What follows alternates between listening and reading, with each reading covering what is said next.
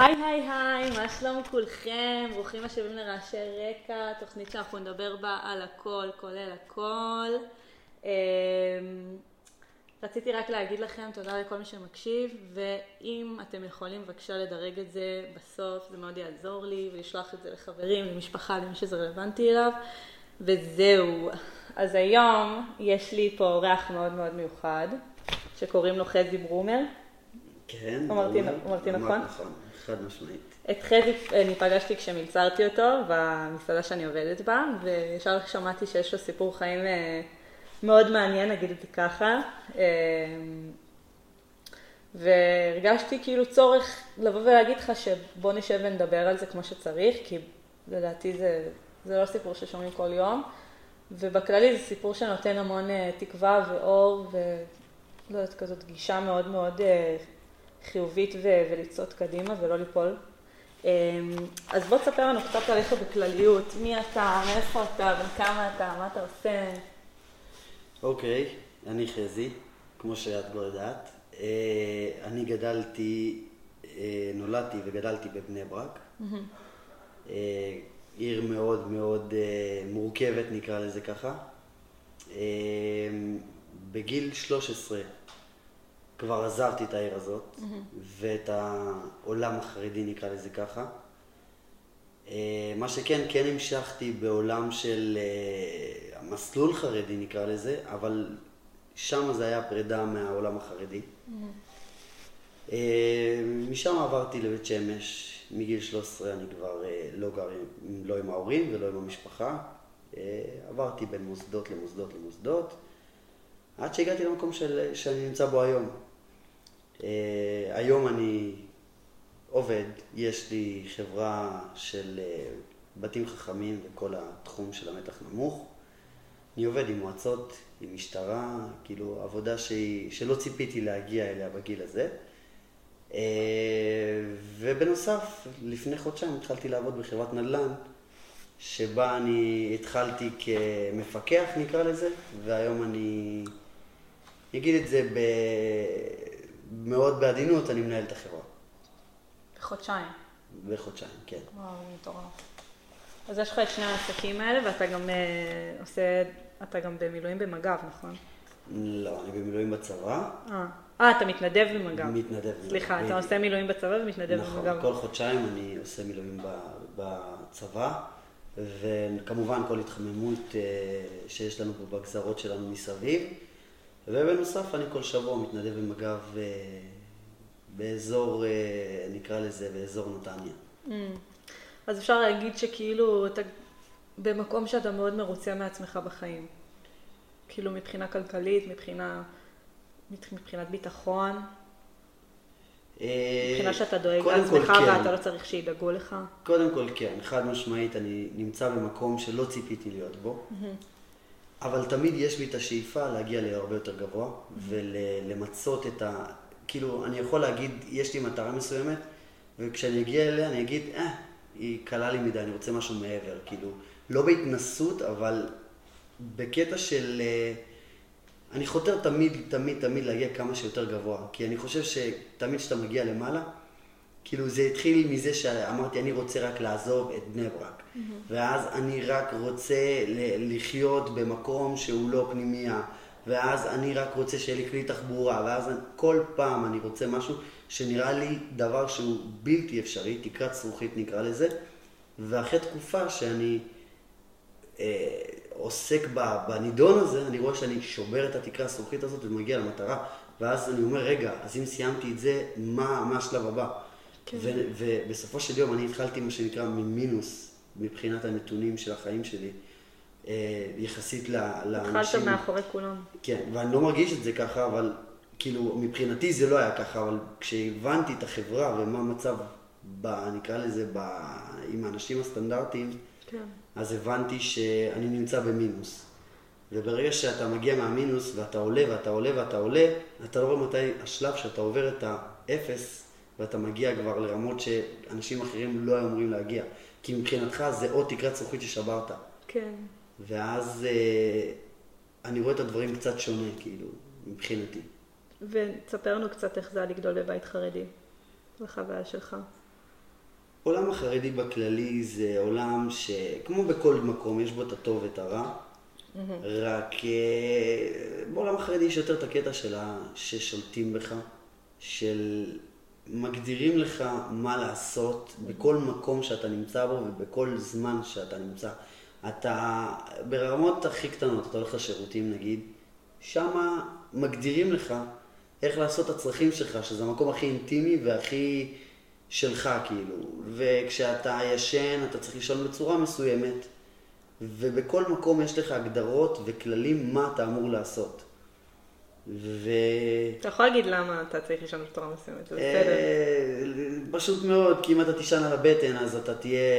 תתפתה. תתפתה, בדיוק. אז... שולטים בך בכל דרך. בתודעה שלך, אתה כל הזמן כן. מלכה את עצמך. בלי שעשית כן. משהו, אתה פשוט... כל הזמן כועס על עצמך. כן, כן. מאשים את עצמך בלי שאף אחד שם עליך אצבע מאשימה. אתה פשוט, הגדירו אותך, הגדירו לך במוח שברגע שאתה עושה משהו מסוים, כאילו כל העולם צפה בך עכשיו ורואה אותך עירום. זה, זה ההרגשה. ובוא תספר לנו רגע איך הגעתם, כאילו המשפחה שלך הגיעה להיות חרדים, כי סיפרת לי שההורים שלך במקור לא היו חרדים. כן. אה, ההורים שלי הם זוג, אה, נקרא לזה מורכב. אה, אימא שלי מגיעה מאור עקיבא, mm-hmm. שזה, נקרא לזה פריפריה בארץ, והיא, בוא נקרא לה חיה בשמה, מרוקאית. Mm-hmm. ואבא שלי, הוא הגיע כבריטי עם כל המשתמע לכך, כל התרבות ו... לא לאכול אה, שום דבר, כאילו, ברמה שהייתי אוכל אה, פיצה עם סכין ומזלג. וואו. ואסור לשים מרפקים על, על השולחן, וכל דבר, חולצה בפנים, גם אם אתה שם טי-שירט, אה, אתה צריך להכניס אותה בתוך המכנס, כי זה לא מתורבת ללכת עם חולצה בחוץ, וכל כן. הכללים וכל המסביב. ואימא שלי הגיעה מעמך.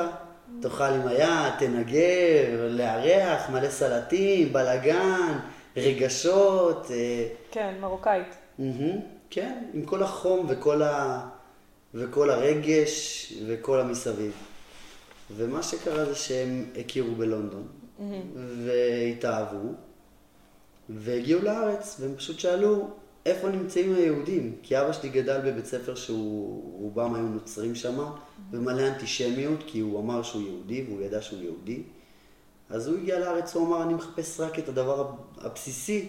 של להיות יהודי. של להיות יהודי. אז אמרו לו, אוקיי, אם אתה רוצה להיות יהודי, האנשים שהוא הכיר מהרבנות וכל המסביב, אמרו לו, בבני ברק, שם יושבים היהודים. וואו.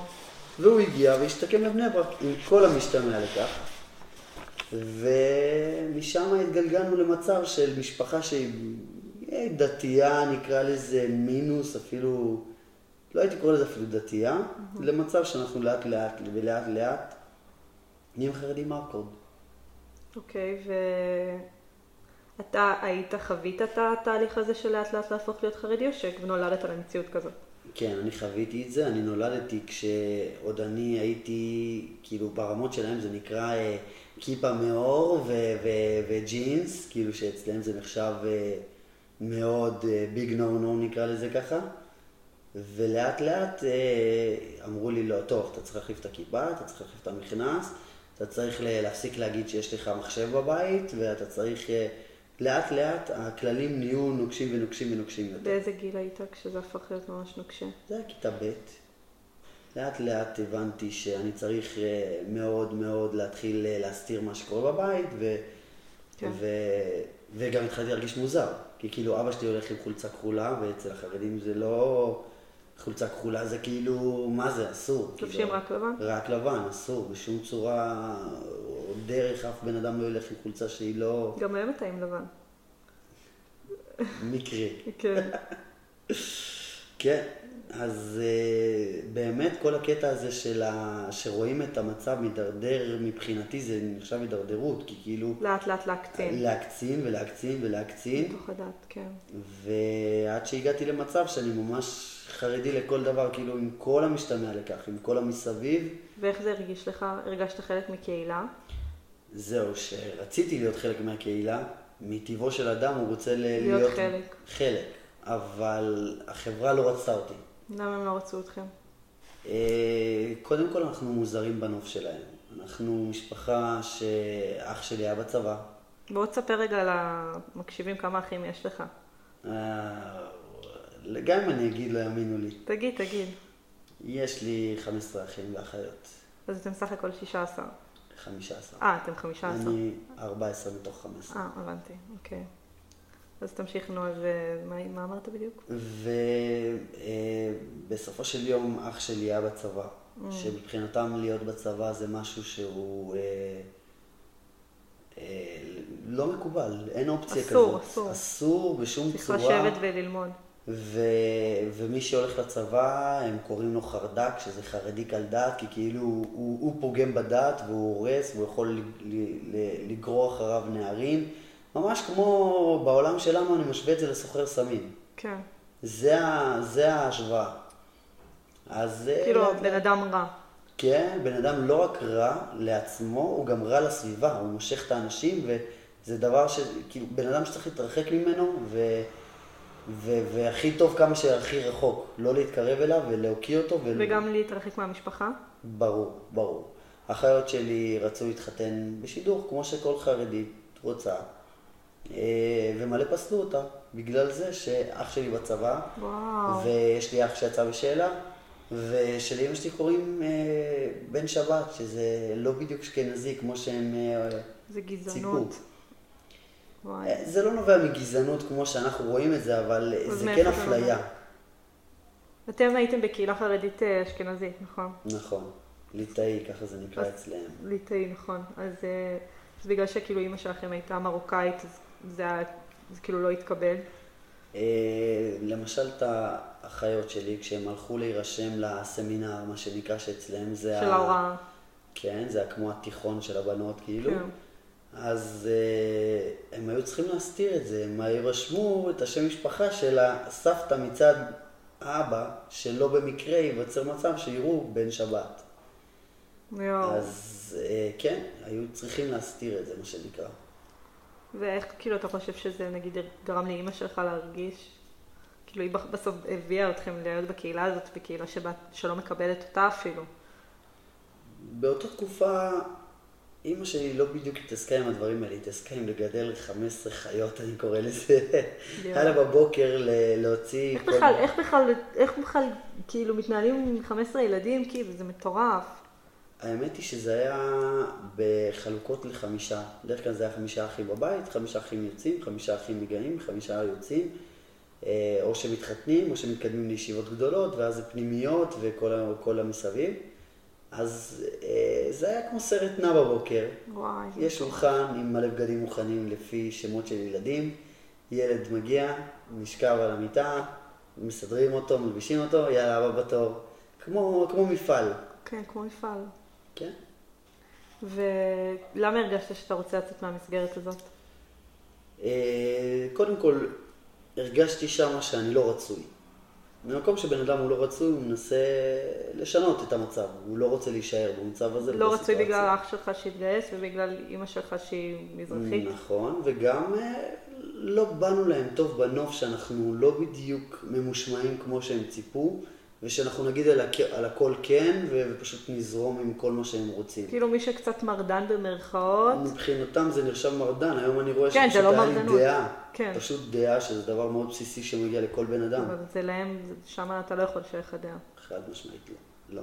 יש את, אה, קוראים לזה דעת תורה, ואתה הולך עם דעת תורה, ודעתך לא חשובה. דעת תורה? ככה קוראים לזה, כן. אז הרגשת שאתה רוצה לצאת מהמסגרת הזאת כי לא מקבלים אותך שם. גם לא מקבלים אותי, וגם החיים האלה של הלחץ והסטרס ו- וכל התחושות שמסביב, אה, הרגישו לי שהם too much בשבילי. אתה הרגשת כשאתה בתוך זה שאתה בתוך סרט כאילו הזיה, שראית נגיד חילונים, אה, בתור ילד חרדי ראית חילונים מסביב וחשבת שהם הזויים או שחשבת שאתה הזוי? ברור, חשבתי שהחילונים הזויים, וכל חילוני שמתקרב אליי, הרגילו אותי שהוא או. לא או, הוא פשוט פדופיל. באמת? כל חילוני שמתקרב זה אליי... מה שאמרו לכם? כן, כל מי שבלי כיפה בבני ברק שניגש אליך, הוא פדופיל, אתה צריך לברוח ממנו ולצעוק לאימא או לרוץ לבית. וואו. זה מה שחונכנו, ויש את השירים, חילוני בילוני יימח שמויני, וכל מיני דברים. ב... כאילו סטלבט על חילונים. כן, של החילוני מבחינתנו הוא... גם רואים את זה בעיתונים שלהם, שרואים נגיד אה, אה, ציור של אה, חרדי וחילוני, אז רואים את החרדי כולו לבוש עם הלבוש שלהם, ונראה טוב, בסטנדרטים שלהם כמובן, ואז רואים את החילוני עם אף של חזיר. ו... וואי, זה, זה אנטישמיות, כאילו, אבל בגרסה שונה. זה, זה כמו שעשו לנו בגרמניה. אני לא חושב שזה אנטישמיות, כי הם לא עושים את זה מאנטישמיות, הם עושים את זה מתוך... Uh, כל מי שהוא לא כמוני, הוא פסול. הוא משהו רע. כן, אבל משהו... זה, יש לזה דמיון מטורף למה שעשו ליהודים בגרמניה, כאילו זה בא באירופה, לפני השואה, שציירו אותנו כמו, כמו חיות מגעילות. זה... אני חושב כשמי שעושה את זה, כאילו כשהייתי שם זה לא היה נראה לי כזה מוזר. דיוק, זה לא היה נראה לי כזה מוזר. אה, כמובן שזה גועל נפש שעושים את זה, והצורה שעושים את זה, והדרך והכל, אבל אני חושב שגם הבן אדם שעושה את זה, הוא לא מודע למה שהוא עושה. כן, ברור שזה לא, כאילו גם אני הייתי עושה דברים שהיום אני אומר כאילו, למה עשיתי אותם? כי פשוט כשאתה נמצא בנורמה חברתית מסוימת, אז כל דבר מרגיש לך טבעי. אז כאילו לא הרגשת באמת חלק מהעולם החילוני, אבל לא הרגשת גם באמת חלק מהקהילה של החרדים. נכון. זה קשה. זה מלא, זה מלא מחשבות. זה מלא סימני שאלה מי אני, מה אני, גם בתור ילד קטן. זה פחות מי אני, מה אני, זה יותר, אתה חושב על זה שהחברים שלך עוד מעט הולכים להתחתן בגיל 20 או 19, וזה עוד איזה 4-5 שנים נגיד, 4-5 שנים, ואתה חושב, רגע, שנייה, מה יהיה איתי? אני אתחתן עם חרדית? לא, לא מתאים לי חרדית, אני לא יכול להתחתן עם חרדית, זה לא הסטייל שלי. חשבת לא... על זה בגיל 13? ברור. חשבת על, בגיל 13 על להתחתן, כאילו בעוד חמש שנים. ברור, כי, כי, כי כל הזמן מרגילים אותך שאיזה בחורה תיקח אותך אם אתה תעשה ככה, איזה בחורה תיקח אותך אם אתה תעשה ככה, איזה שידוך ייתנו לך אם אתה תעשה ככה. אז כל הזמן וואו. אתה נמצא ב... ב, ב בלחץ מטורף. קטלוגים, ויש קטגוריות, וכל דבר שאתה עושה, אתה, או שאתה מוסיף אה, משהו רע לרזומה שלך, או משהו טוב. אתה פשוט צריך לבחור, וזה הבחירה היחידה שנותנים לך. אתה כל הזמן חושב אה, חמש שנים קדימה, זה פסיכי לילד לחשוב על דבר כזה. ברור, אבל מגיל כזה הם כבר מכוונים מה הם רוצים כשהם יהיו גדולים. והחלומות הם אה, או להיות רב, או חלומות זה עם מי תתחתן, זה הכל. וואי, זה פסיכי. ו... אז כאילו בוא תספר לנו, קח אותנו לרגע הזה שהחלטת לצאת מהבית. אמ, אני הייתי בתקופה מאוד מאוד אה, מסובכת של החיים. זה... אימא שלי בגיל, כשהייתי בן שמונה, אה, עברה אירוע מוחי. וקמים ביום בהיר לאימא שהיא אה, בריאה וחזקה ומגדלת ילדים ורצה ודואגת שיהיה לנו הכל ומלבישה אותנו ואוכל ודואגת לנו ברמות שלא יחסר לנו כלום. כלום. כן. אין מצב שאני אה, בדאון והיא לא רואה את זה עליי והיא לא שואלת אותי מה קרה ולא דואגת ולא מה איתי, מה קורה איתי, מה... כל הזמן דואגת, רצה, מבשלת. את יודעת, כשהיא מבשלת עם איזה סירים שאנשים נכנסים, כן, בטוחים שזה מסעדה, כאילו, מה זה הגודל של הסירים האלה. אז אה, פתאום ביום בהיר היא קמה, וחצי מהגוף שלה לא מתפקד. וואו. אז אה, זה, זה מוזר, זה קשה. מצפ... אני, אני, רוב הציפייה שלי הייתה, זה שהציבור החרדי, למשל בבית ספר, כשהגעתי, ציפיתי שיקבלו את זה, ובמינימום של המינימום ישחררו ממני. כן. אבל להפך, זה נתן להם אה, אש למדורה, מה שנקרא. זה הוסיף להם אש, ונתן להם יותר אה, לגיטימציה לפגיעה. ושם אמרתי, טוב, אנשים שעושים כאלה דברים זה לא טבעי. כן. עוד שם הבנתי שזה כבר לא טבעי. כאילו שהם לא תמכו בכם, כשדבר לא, כזה קרה. לא, אפילו לא ציפיתי לתמיכה, ציפיתי במינימום לא להיות רע. לא להיות רע, כן, זה המינימום. שלא יתנכלו אליך. כן. לא, לא לנצל את המצב חולשה שלי. למה, מה הם עשו? איך הם ניצלו את המצב? אמ, בצורות מאוד מאוד לא נעימות, נגיד ככה. בצורות מה, מאוד... מה, בריונות? היה כלפיך בריונות? בין השאר. יואו, זה קשה זה. ו... ואז כאילו הבנת שכאילו זה לא הקהילה שאתה רוצה לחיות בה. לא רק, ש... לא, לא רק שהיא לא תומכת באנשים שחלשים, היא דורכת עליהם. כן, אני הבנתי שזה לא משהו שאני רוצה לחיות איתו, ו... ורציתי גם לשנות את החיים שלי, כאילו, אני רואה סביבי רק רע, רק קושי, וילד בן 13 כבר חושב על זה שהוא רוצה להיות אה, משהו אחר. לא יודע מה, אבל לא זה, זה בטוח לא. כן. אז מה, כאילו, מה החלטת באותו, באותם רגעים, באותם... אה, אני החלטתי שאיך שאני מסיים כיתה ח', אני לא נשאר שם. בשום צורה לא נשאר שם. אין סיכוי שאני אשאר במקום הזה. אה, ובגיל 13 עזבתי את הבית. מה זה אומר לעזוב את הבית? לקחת את הדברים שלך, כאילו לקחת מזוודה, מה זה אומר? זה אומר שאני פניתי לכמה גורמים שידעתי שהם יכולים לעזור לי, בגיל 13. מה זה הגורמים האלה? אה, למשל, איך אה, לגשת למישהו בבית כנסת שאני יודע שהוא מכיר פנימיות והוא קשור לאנשים ולהגיד לו, שומע, נמאס לי מהבית, אני רוצה לצאת ממנו. אז הוא אומר לי, אני צריך לדבר עם אבא שלך, לשאול אותו. אמרתי לו, אבא שלי לא, לא פקטור בסיפור. ההורים שלך ידעו שאתה רוצה לעזוב את הבית? יותר לא היה להם ברירה, כי אף ישיבה לא הייתה מוכנה לקבל אותי, ישיבה חרדית. למה? כי הם אמרו שאח שלי בצבא, וכל הנתונים שלי הם הכי גבוהים מבחינתם. נכון שאת המבחן למדתי בערך שנה, שאני רק לומד למבחן הזה. וכשהגעתי למבחן... מתי נכנסים לישיבות? באיזה גיל? בגיל 13. וואו. 13, 14 כזה, תלוי בשנתון של הילד. כאילו מי, לא לומדים רגיל כבר מגיל 13 תיכון. לא, אז כבר מתחילים לימודים שהם מ-7 בבוקר עד 9 בלילה ברציפות, עם הפסקה של שעה בצהריים. וואו. כן. ואז כשגדלים לגיל 15 זה כבר עד 11 בלילה, מ-7 עד 11 בלילה. זה אומר שאין לך זמן לכלום חוץ מלהיות בבית מדרש. אז צריך, צריך לעשות מבחן כדי להתקבל ל- לישיבה. נכון. ולא רוצה לקבל אותך בגלל כל הנתונים של המשפחה. אבל המבחן הוא, הוא, הוא רק, נקרא לזה בשביל, ה, בשביל הקטע. הוא לא באמת המבחן קובע. מה שקובע זה מי אבא שלך ומה הקשרים שלו, יו. ולמי אתה קשור. זה הדבר היחיד שקובע. כאילו במקום להיות סביבה שתומכת ומכילה ורוצה את כולם, הם הכי אקסקלוסיביים שיש. כאילו זה הכי, כאילו, רק סטטוס והסטטוס של המשפחה שלך, ורק אז תוכל לבוא ולשבת וללמוד אה, בישיבה האקסקלוסיבית שלנו. נכון, נכון. אם אתה רוצה סתם להיות, אה, איך קוראים לזה, עוד בחור, עוד בן תורה, אז יש מלא ישיבות שיקבלו אותך, מה שנקרא, בקלות, אבל... המקום הוא לא נחשב אצלם, מי ששם זה, זה לעג, כאילו. וואי, זו ממש תעשייה, כאילו. זה... כן. כמו כן. הקולג'ים בארצות הברית. אה, רק שפחות אה, יוצאים שם עם תואר או עם... אה, כן, לא יוצאים שם עם... עם משהו שהוא יכול לשמש אותך בחיים. הערכים בבסיס שלהם הם ערכים נכונים, אוקיי? הערכים בעולם החרדי זה ערכים נכונים לא כשהם מקבלים את העיוות שעושים להם. מה זאת כן. אומרת? הערכים עצמם של הדת, ש, שאני חושב שזה הדת האמיתית, זה תהיה טוב ל, ל, לסביבה. אה, אומרים סתם, הדבר הראשון שאתה לומד בישיבה זה שהגיע בן אדם אה, שלא ידע כל כך מהו דת לבית שמאי ובית הלל שנחשבים בדת כאילו שתי בתים מאוד חזקים של הממלכות של פעם, שהם היו, אה, נקרא לזה, פוסקים, כמו בג"ץ של פעם. שהיה צד של בית הלל שהוא היה מקל יותר בדיונים, ובית הלל ובית שמאי הם היו יותר נוקשים.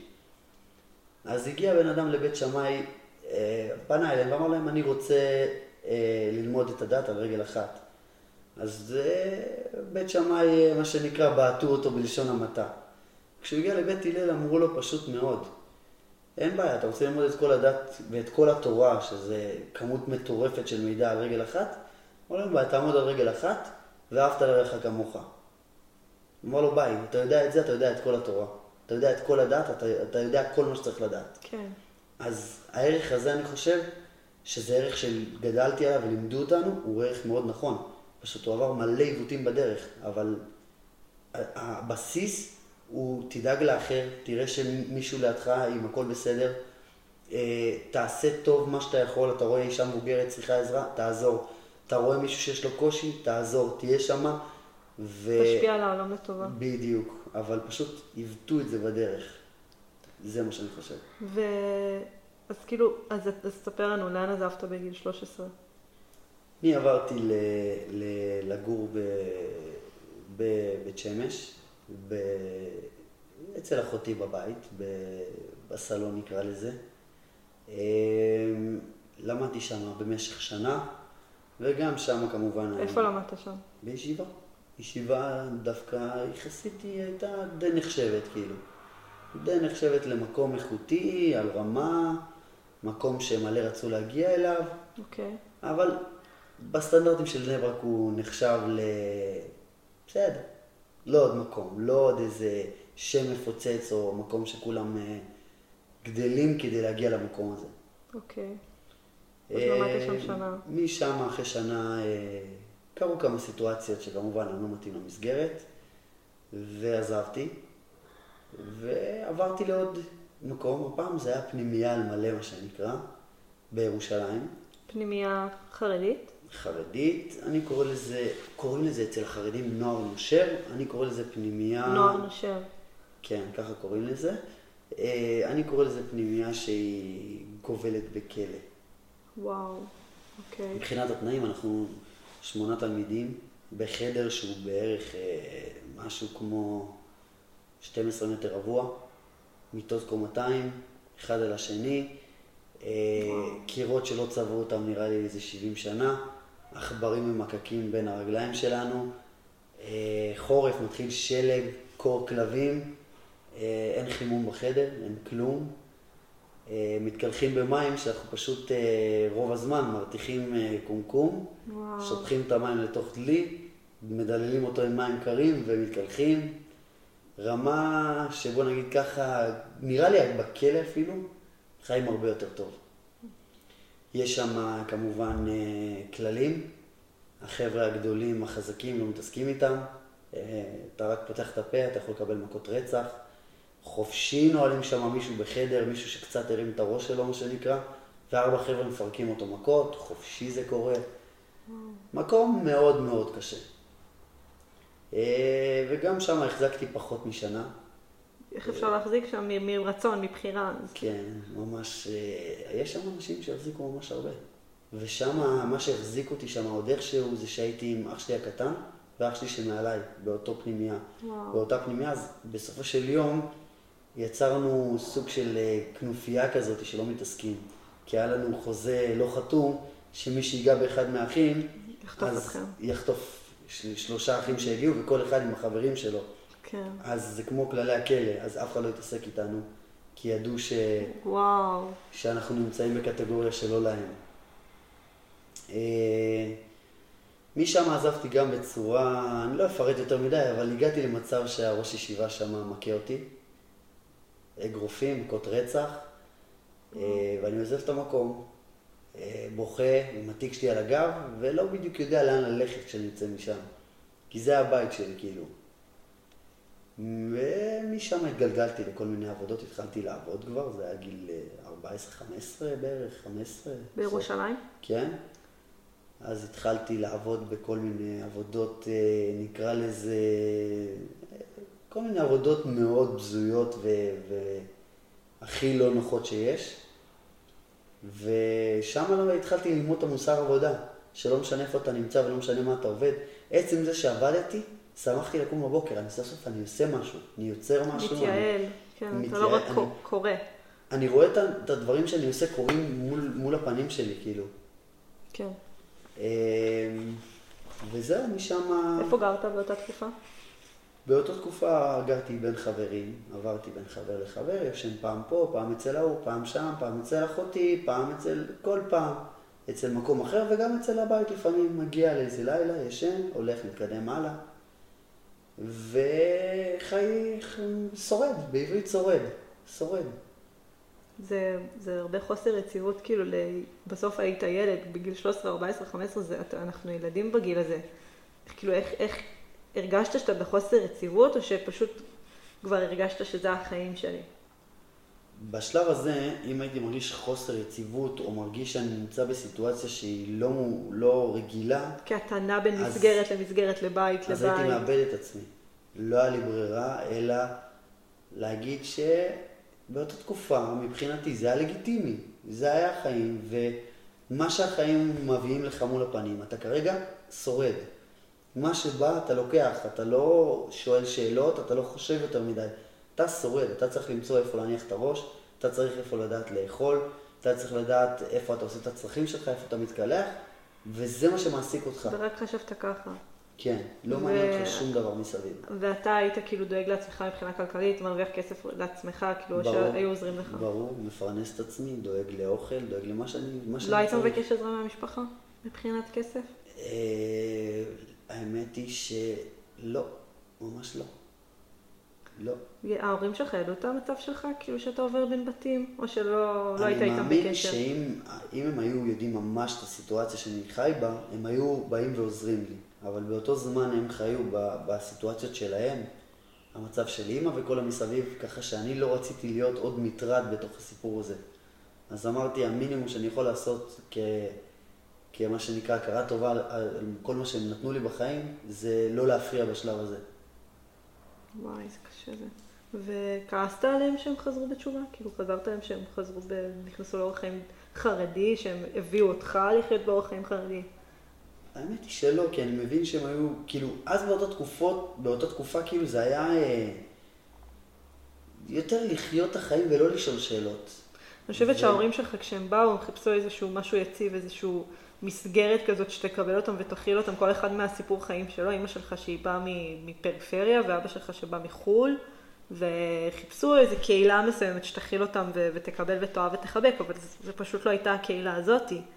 זאת קהילה סופר נוקשה, נוקשה, שכאילו אם אתה לא עומד בדיוק בסטנדרט שלהם בכל בחינה שיש, אז כאילו אתה לא חלק ממנה. כן, אבל עצם זה שאתה עושה את המאמץ מבחינתם, אז אתה נחשב למשהו. כי אתה מתאמץ. נתן להם ואתה- משמעות. כן. אז זה נתן להם להבין שאולי עוד הם יגיעו ל- למקום שמצפים מהם שהם יגיעו. זה כאילו מרגיש שזה רדיפה אחרי משהו שבחיים לא תהיה ראוי לו, כאילו לא משנה גם אם אתה הכי הכי אדוק שיש, החרדי הכי אדוק שיש, גם אז אתה יכול לעשות פלטות במרכאות, כן? כי אנחנו בני אדם, אנחנו לא יכולים ללכת בקו ישר כל החיים שלנו, אנחנו נסטה לצדדים מדי פעם, גם בבן אדם הכי אדוק שיש. אז כאילו גם לדעתי החרדי הכי חרדי שיש, מלכה את עצמו על בסיס יומיומי של למה הסתכלתי ככה, ולמה איבדתי עליה, ולמה חשבתי את המחשבה הזאתי. כאילו זה, זה לא נגמר. נכון. ההלקה העצמית הזאת, זה, נכון. זה בלתי אפשרי לחיות ככה ולהיות אני קורא רגוע. לזה, אתה האויב הכי גדול של עצמך. וואי, זה חושבת. ו... ואז כאילו אתה עברת מבית לבית. משם התקדמתי ל... למצב שאני איזה קרוב לשנה בבית. מה, אה, מה?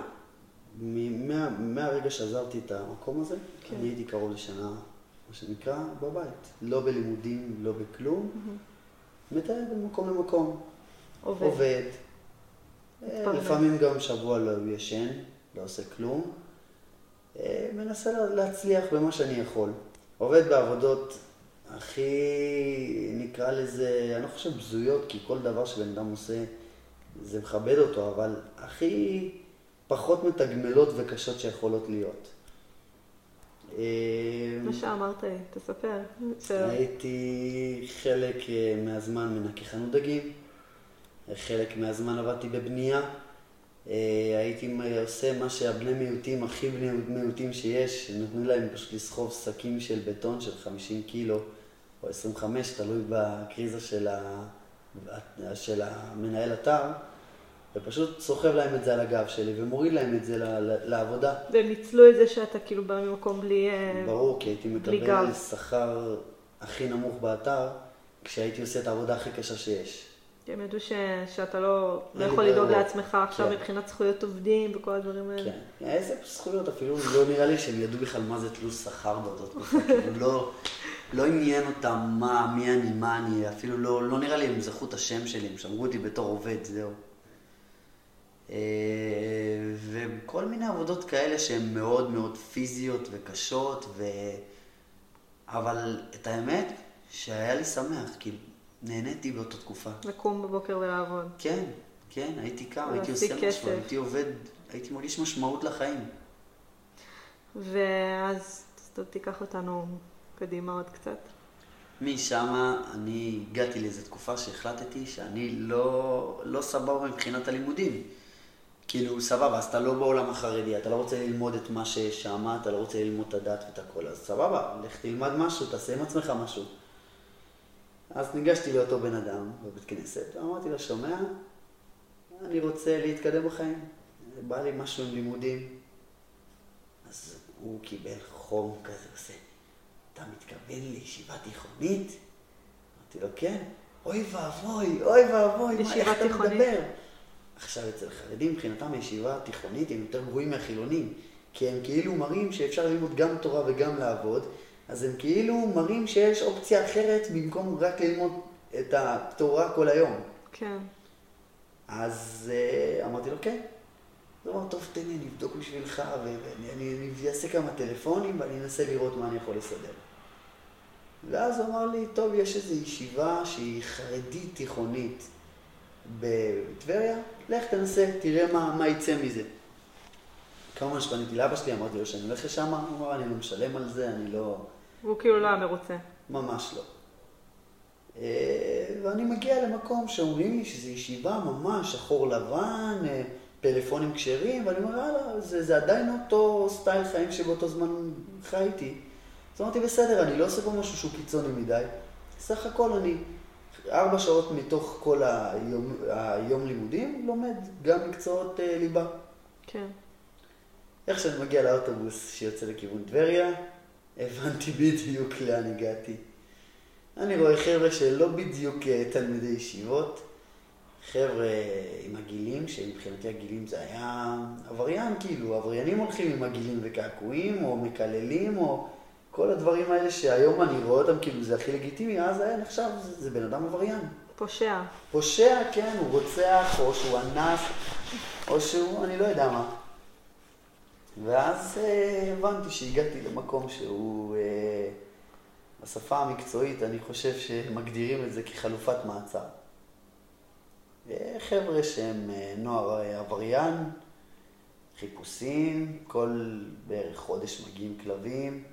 מטיילים, אוספים את כל הבנגים מאחורי הפנימייה, אוספים את כל דבר, כל דבר שרואים, חוקרים את כולם, בדיקות שתן, פתאום מישהו חוטף קריז, אה, שובר בקבוק בירה בלילה ומחליט שהוא רוצה לדקור אה, את אחד מהבחורים. תקופה מורכבת, אבל גם שם ידעתי לקחת את, ה, את הטוב שבמקום ולהתקדם במה שאני רוצה, והבנתי ש... זה מה שיש לי ביד, ואין לי יותר טוב מזה. כרגע יש לי פה מיטה שיחסית נוחה, יש לי פה אה, מעטפת, ואני צריך לקחת את זה ולהוציא מה, מהלימון את הלימונדה. וזה מה שעשיתי. נדבקתי לאנשים היותר טובים, אה, ואחרי ארבע שנים שם, אני, אני ועוד בחור, היחידים שיצאו שם עם בגרות מלאה. וואו. מתוך כל מחזור. וברמה שיש שם חבר'ה שבכלא, אה, על כמה וכמה מקרים, חוויתי שם גם כמה מקרים שראיתי, כאילו, לא עליי ספציפית, אבל uh, במסביב ראיתי סיטואציות שלא נעים לראות. כמו מה? הטרדות מיניות שאנשים עברו לידי, מחברים אחרים, ודברים שלא, שילד בגיל, באותו גיל... בתוך הפנימייה הזאת היו הטרדות מיניות בין, אה, בין הבנים? ברור, ברור. כי זה הדבר היחיד שאתה רואה, אתה רואה כל היום. אני לא מנסה להצדיק את זה בשום צורה, זה לא... אין חינוך מיני, אין, אין שם כלום. אין זה... שום מודעות לכלום. אין, אין סמכות, אין כלום. זה... אה, פשוט מה שאתה, אתה אפילו לא יודע יותר מדי על מיניות, כאילו לא פותחים את זה ולא מסבירים, ואתה מאוד בסימני שאלה. וכל מה שאתה יודע זה או משמועות או מהפורנו, כאילו, אין לך פה יותר מזה, זה הדברים היחידים שנותנים, זה המידע היחיד שמגיע אליך. אז אה, בסופו של יום לצאת מכזה מקום עם תעודת בגרות, מבחינתי זו הייתה המטרה ש, שרציתי והשגתי אותה. אז מגיעים לצבא.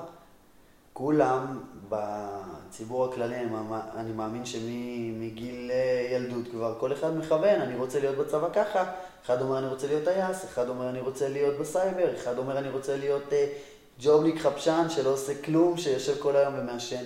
כל אחד יש לו את המינימום פרופיל של מה הוא רוצה לעשות בצבא.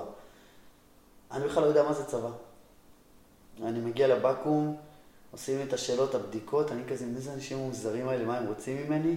אני בראש שלי לא מתגייס, לא יודע מה אתם רוצים. זה פעם ראשונה שאתה פוגש, אה, נראה לי, חברה חילונית ממש. נכון, נכון, נכון. קודם כל מושיבים אותי מול בחורה בחדר תחקירים של ה... יואו. של ה... של ה... של ה...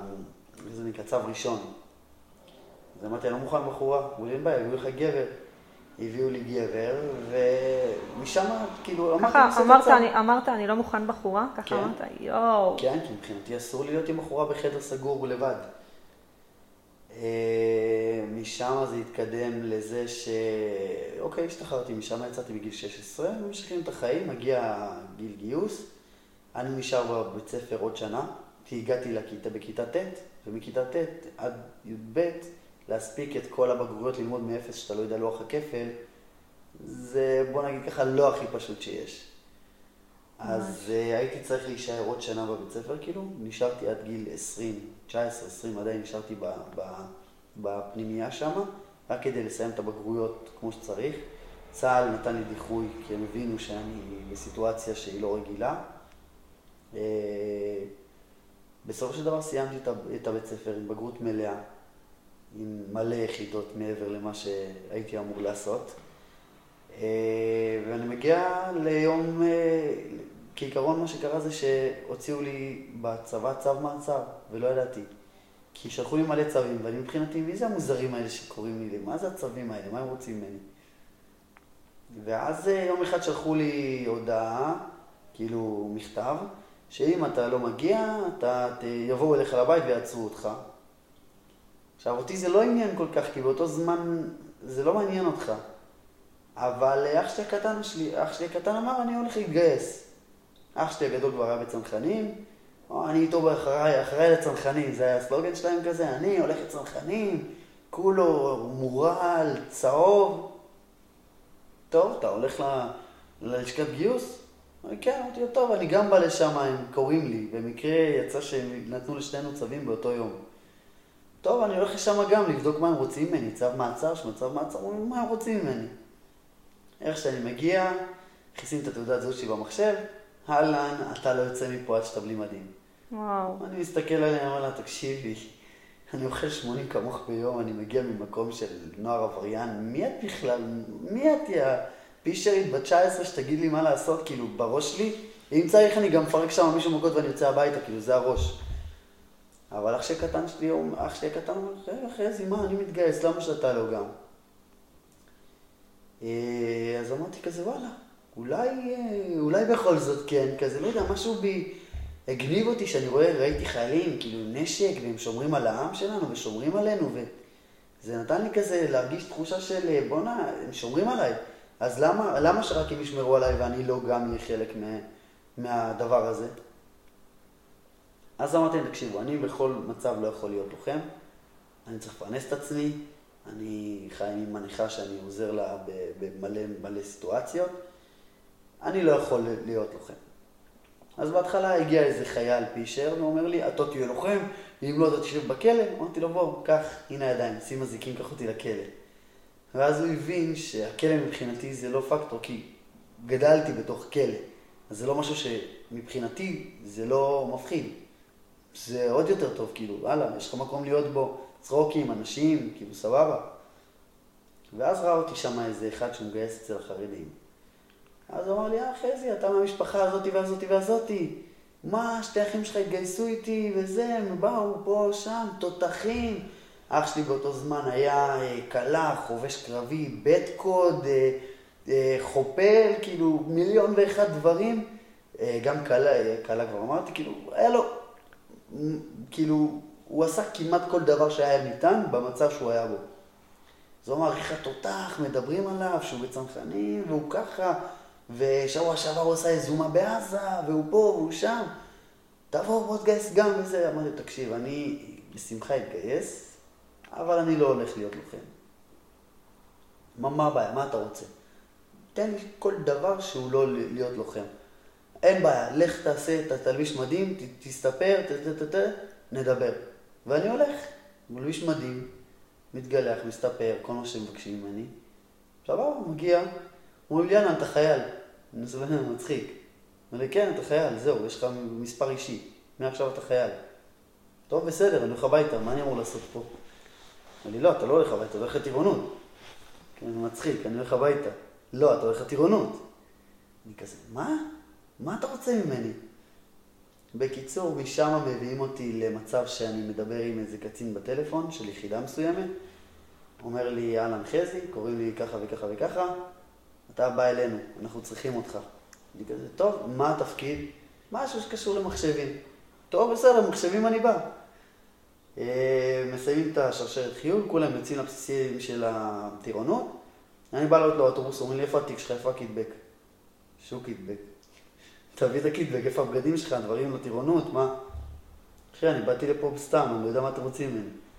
מה אין לך כלום? רד מהאוטובוס. יורד מהאוטובוס, מגיע הקצין שם, מה, מה קורה איתך? לא באתי עם כלום, לא ידעתי שאני מתגייס היום בכלל. טוב, לך הביתה, תבוא מחר בבוקר לבסיס טירונות, בככה וככה. משם... איך הצבא עושים צחוק. כן, זה היה, זה היה, כי אני מבחינתי לא מתגייס, אני לא, לא היה לי, זה לא בכיוון בכלל.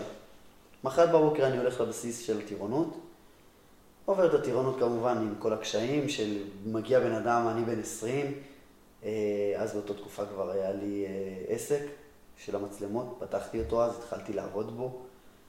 אה, הייתי עם רכב, עשיתי רישיון בגיל 16, כאילו, אני מגיע, את יודעת, במצב שהוא, שאני בוס לעצמי, וגדל לבד, וחי לבד, ומפרנס את עצמי, פתאום מגיע לילד בן 18, אז מבחינתי הוא היה חנון, מי אתה בכלל כזה? שאם הוא היה איתי בפנימייה, כאילו היו אוכלים אותו בשתי שתי דקות, הוא היה, קוראים לזה אוחז בכיס. אז אה, אני אומר כזה, מי הוא שיגיד לי עכשיו לעמוד עם וי בין הרגליים?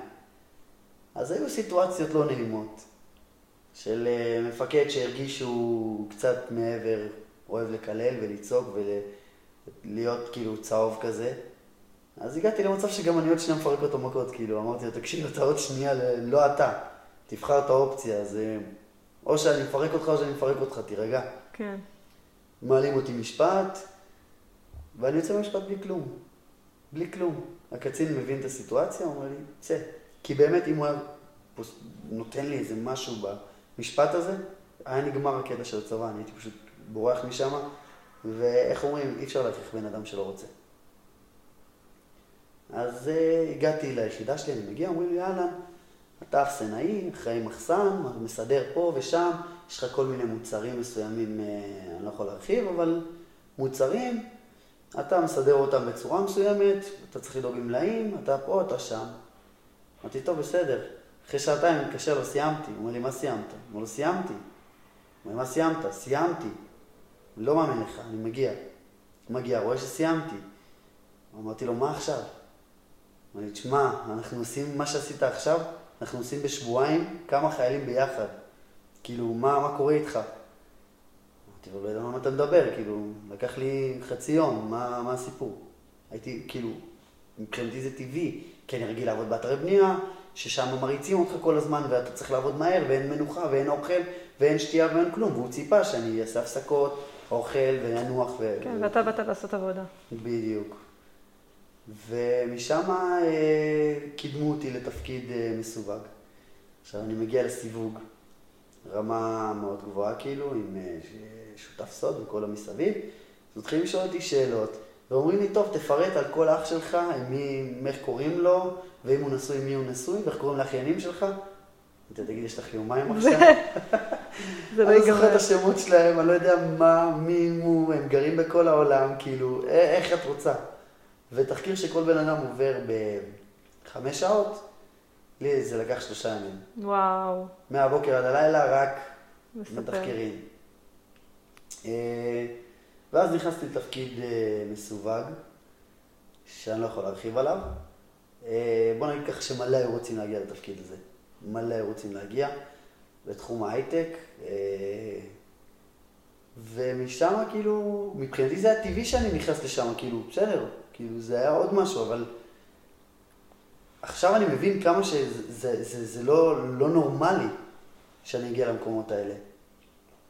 ומשם התגלגלתי לאט לאט, יצאתי מהצבא, השתחררתי, המשכתי במילואים, המשכתי עם העסק שלי, ולאט לאט עליתי ועליתי ועליתי, ועד שהגעתי למקום שנמצא בו היום, ואני מרגיש שעוד לא אמרתי את המילה האחרונה. אני חושב שכל מה שאתה בוחר לעשות ומה שאתה רוצה, גם אם אין לך חלומות, עצם זה שאתה מחפש את החלום שלך, אתה בעשייה. וכשאתה בעשייה אתה תצליח, כי לא משנה מה, אתה, אתה, אתה בן אדם. בן אדם מטבעו, הוא רוצה, הוא, רוצה להצליח. כן. וכשאתה עוסק בהצלחה, אתה תגיע אליה. לא משנה, גם אם ההצלחה שלך היא הכי דבילית, יכול להיות בן אדם שרוצה, הוא חושב שהוא צוחק כמו מפגר והוא לא רוצה לצחוק כמו מפגר.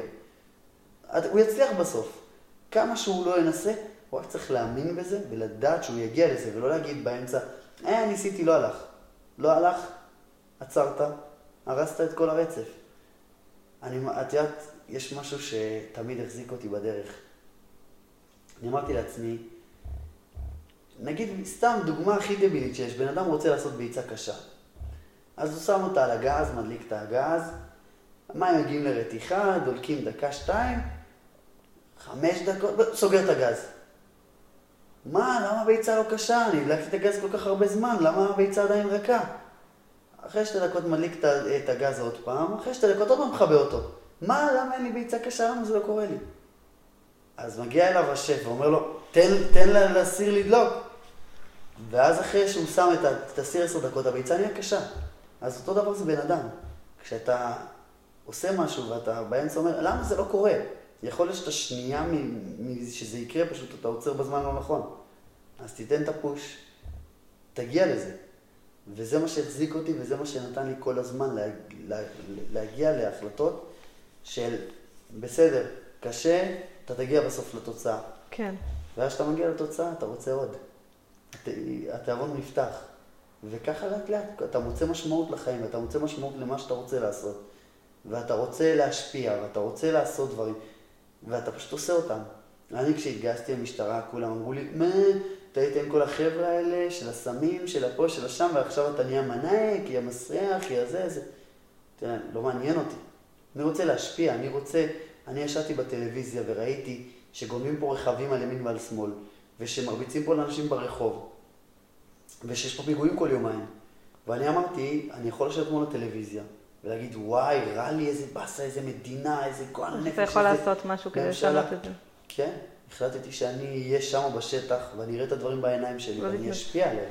החלטת כאילו להתנדב למג"ב. כן, כן, והיום בלילות מה שאני עושה זה מערבים לגנבים, שיכול להיות שאתם בבוקר נגנב לכם הרכב ואני בשתיים בלילה מצאתי את הרכב שלכם עם הגנב בפנים.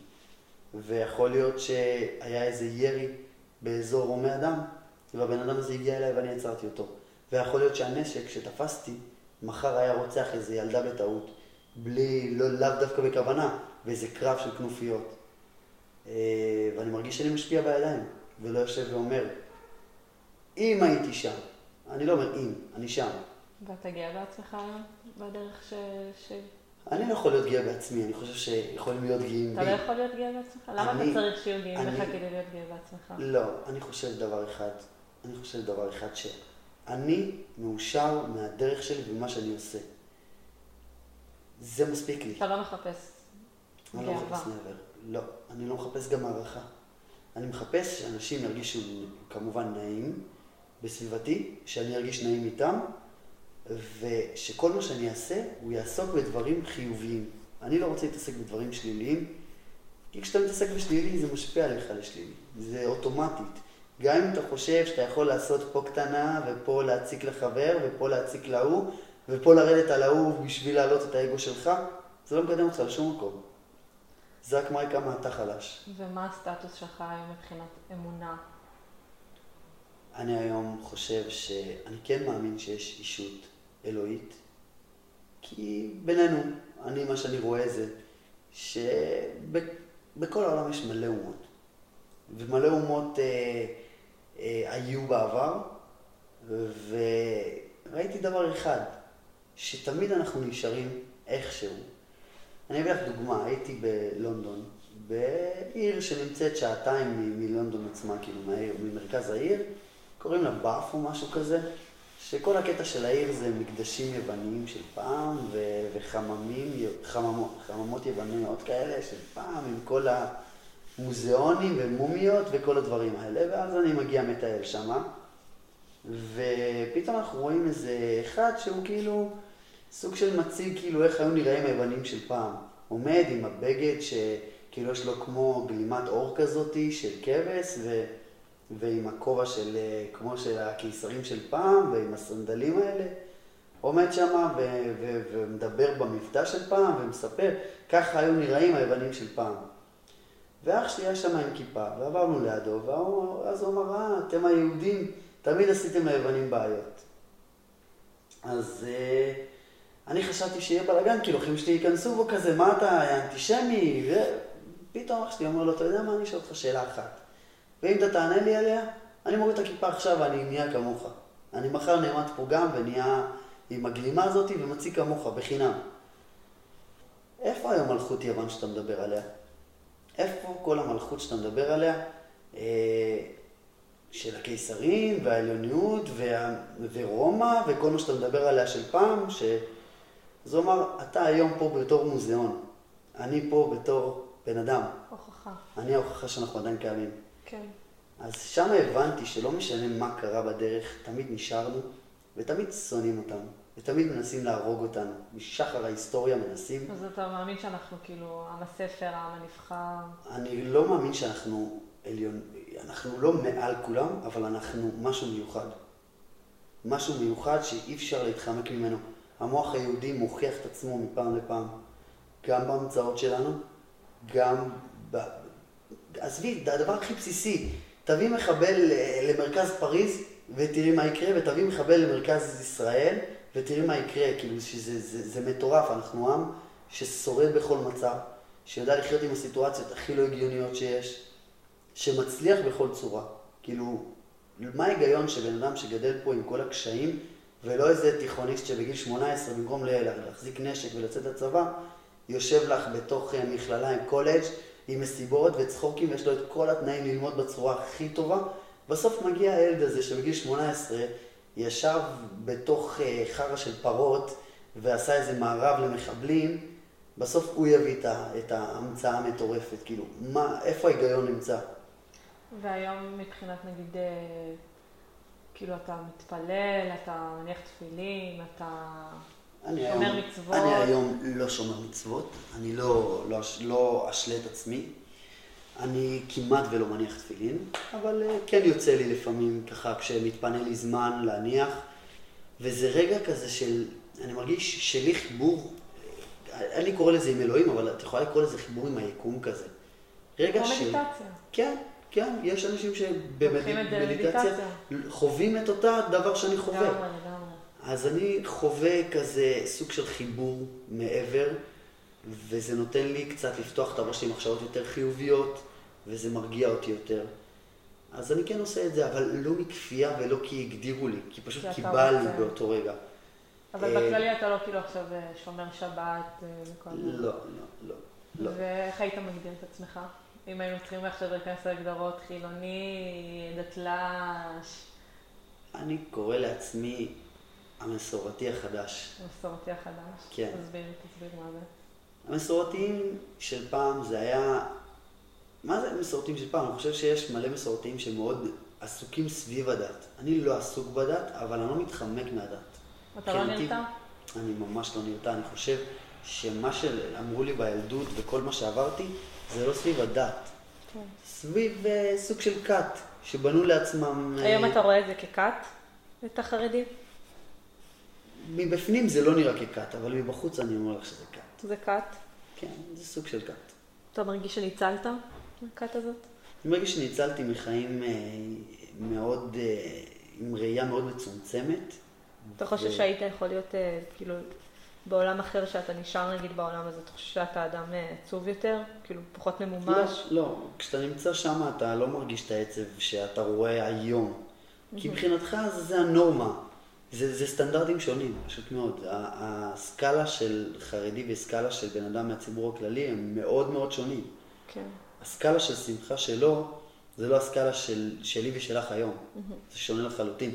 הוא, אם הוא ילך ל... לא יודע, לאיזה מופע של מחזמר מגניב, או משהו מטורף של אה, אה, ריקוד מטורף, אז הוא יגיד, לא, זה, זה, זה אנשים משוגעים, זה אנשים שאין להם מהות בחיים. אבל הוא יישב בבית מדרש והוא יגיד, וואו, איזה כיף לי כל היום לשבת ו- וללמוד תורה. כי זה מה שהוא גדל. זה מה ש... שהוא אכל, זה מה שהוא שאב, זה מה שהוא ינק מגיל אפס. אתה שמח שאתה לא שם יותר? שאתה לא בעולם הזה? אני לא רואה את זה ככה, אני שמח יותר לאיפה שאני נמצא אתה היום. שמח איפה שאתה נמצא היום? אני נמצא חד משמעית, כן. אני מרגיש שאני עושה את כל מה ש... לא היה לי חלומות יותר מדי גדולים, אבל אני תמיד אמרתי שאני לא אהיה תלוי באנשים. גם בוא לא נדבר על זה שאתה כאילו יצאת מעולם אה, מאוד מאוד נוקשה לעולם אה, מטורף של פיתויים, כאילו לעולם החילוני, ואתה אתה יציב נפשית. כאילו זה לא מובן מאליו. זה... אפשר לא להתחרפן פשוט. בתהליך הזה. הרבה מתחרפנים, הרבה מתחרפנים. הרבה חברים שלי שאני מכיר, קודם כל לא מחזיקים במערכות אה, מערכות זוגיות. בזוגיות תמיד יש איזה משהו, תמיד אובססיביים או תלותיים. אה, מלא נופלים לסמים, מלא נופלים אה, לכל מיני דברים שהם מוזרים ברמות, או שהם נהיים איפים, ולא שיש עם זה בעיה, אבל לא ראיתי עוד אחד שיצא, נקרא לזה בקו קו השפיות. רובם הם אנשים טובים, אבל הם יוצאים עם מלא צלקות, ואם רק תגידי מילה על הדת, יתפרץ להם מלא דברים בפנים, והם לא יוכלו לדבר איתך כ, כאנשים אה, רציונליים. הם ידברו מתוך טראומה, מתוך דברים שזה יותר הנפש שלהם צועקת, פחות המוח מדבר. כן, זה באמת טראומטי גם. כן, כי הם חווים, כאילו, גם אני חוויתי, אני אשקר לך שזה זה, זה זעזע לי את החיים, ודברים מאוד ברורים, שברורים ביום יום לי לא היו ברורים. כל מיני כללי התנהגות, יחס לאנשים, איך אתה מדבר, איך אתה מתקשר, מה לגיטימי, מה לא לגיטימי. אתה כמו תינוק, רק בגיל 15. שאומרים לך ואתה לומד מה. כן, מה לא, מה כן, מה כן, לא. אבל אתה לא אומרים לך, אתה לומד בעצמך. מה סבבה לך ומה לא סבבה לך. והיום אתה, כאילו, אתה שלם עם הבחירות שלך, של, איך אתה חי את החיים שלך? תמיד אני חושב שאפשר יותר, אבל אני מאושר במה שיש. ממש חשוב. חד משמעית. כי אתה באת ממקום שכאילו לא היה לך, כאילו היה לך משפחה, ואז לא היה לך כלום, ואז בנית את עצמך, אני לא חושבת שרק בנית את עצמך כלכלית, אני חושבת שבנית את עצמך נפשית ורוחנית. כאילו, אני עכשיו יושב מולי בן אדם שאני מרגישה שהוא יציב. כאילו, ומבן אדם שהיה לו הרבה חוסר יציבות, זה לא מובן מאליו שיושב מולי בן אדם שיציב, כאילו, זה לא שאתה גדלת בחיים כביכול בשבילי סטנדרטים, עד גיל 18 להיות בבית של ההורים ולהיות בתיכון מאוד מסודר, ונותנים לך כל דבר שאתה רק רוצה, ואז ללכת לצבא עם נתונים מאוד מאוד גבוהים, ולסיים צבא, וכאילו, הסדר יום המאוד חילוני, זה מאוד מובן מאליו הכל. הכל נותנים לך כל הזמן, כל דבר שאתה רק רוצה, ואתה כאילו היית צריך לבנות את עצמך לזה כאילו לבד, ולא להתחרפן בדרך, כאילו שזה נכון, אז היו כן התחרפנויות. היו כן, אה, כאילו... נקודות הייתי- משבר. בכללי הייתי ילד מאוד מאוד לא פשוט. ילד שעבר את כל הסיבוב הזה, זה... הוא לא מתנהג בדיוק בכללים שהחברה מצפה ממנו. אז כן היו התנהגויות מאוד לא נעימות, כן הייתי אדם מאוד נוקשה, אה, התפרצויות זעם. אה, כעסת על העולם, בטוחה. זה יותר אה, להתנהג כמו, אני קורא לזה בן אדם חרא היום, אני קורא לזה. ואיך עבדת. על זה?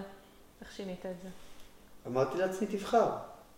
מה אתה רוצה? להגיע כמו חברים שלך לכלא, או להיות איזה בן אדם שנוא על כולם, או שאתה רוצה להצליח ולשנות, ולא לקחת את החולשה שלך ולנצל את זה להיות גבר על מישהו שהוא טיפה יותר חלש ממך, אלא להפך, להיות חזק ויציב, שאם יהיה מישהו שהוא חלש לידך, אתה תוכל לעזור לו.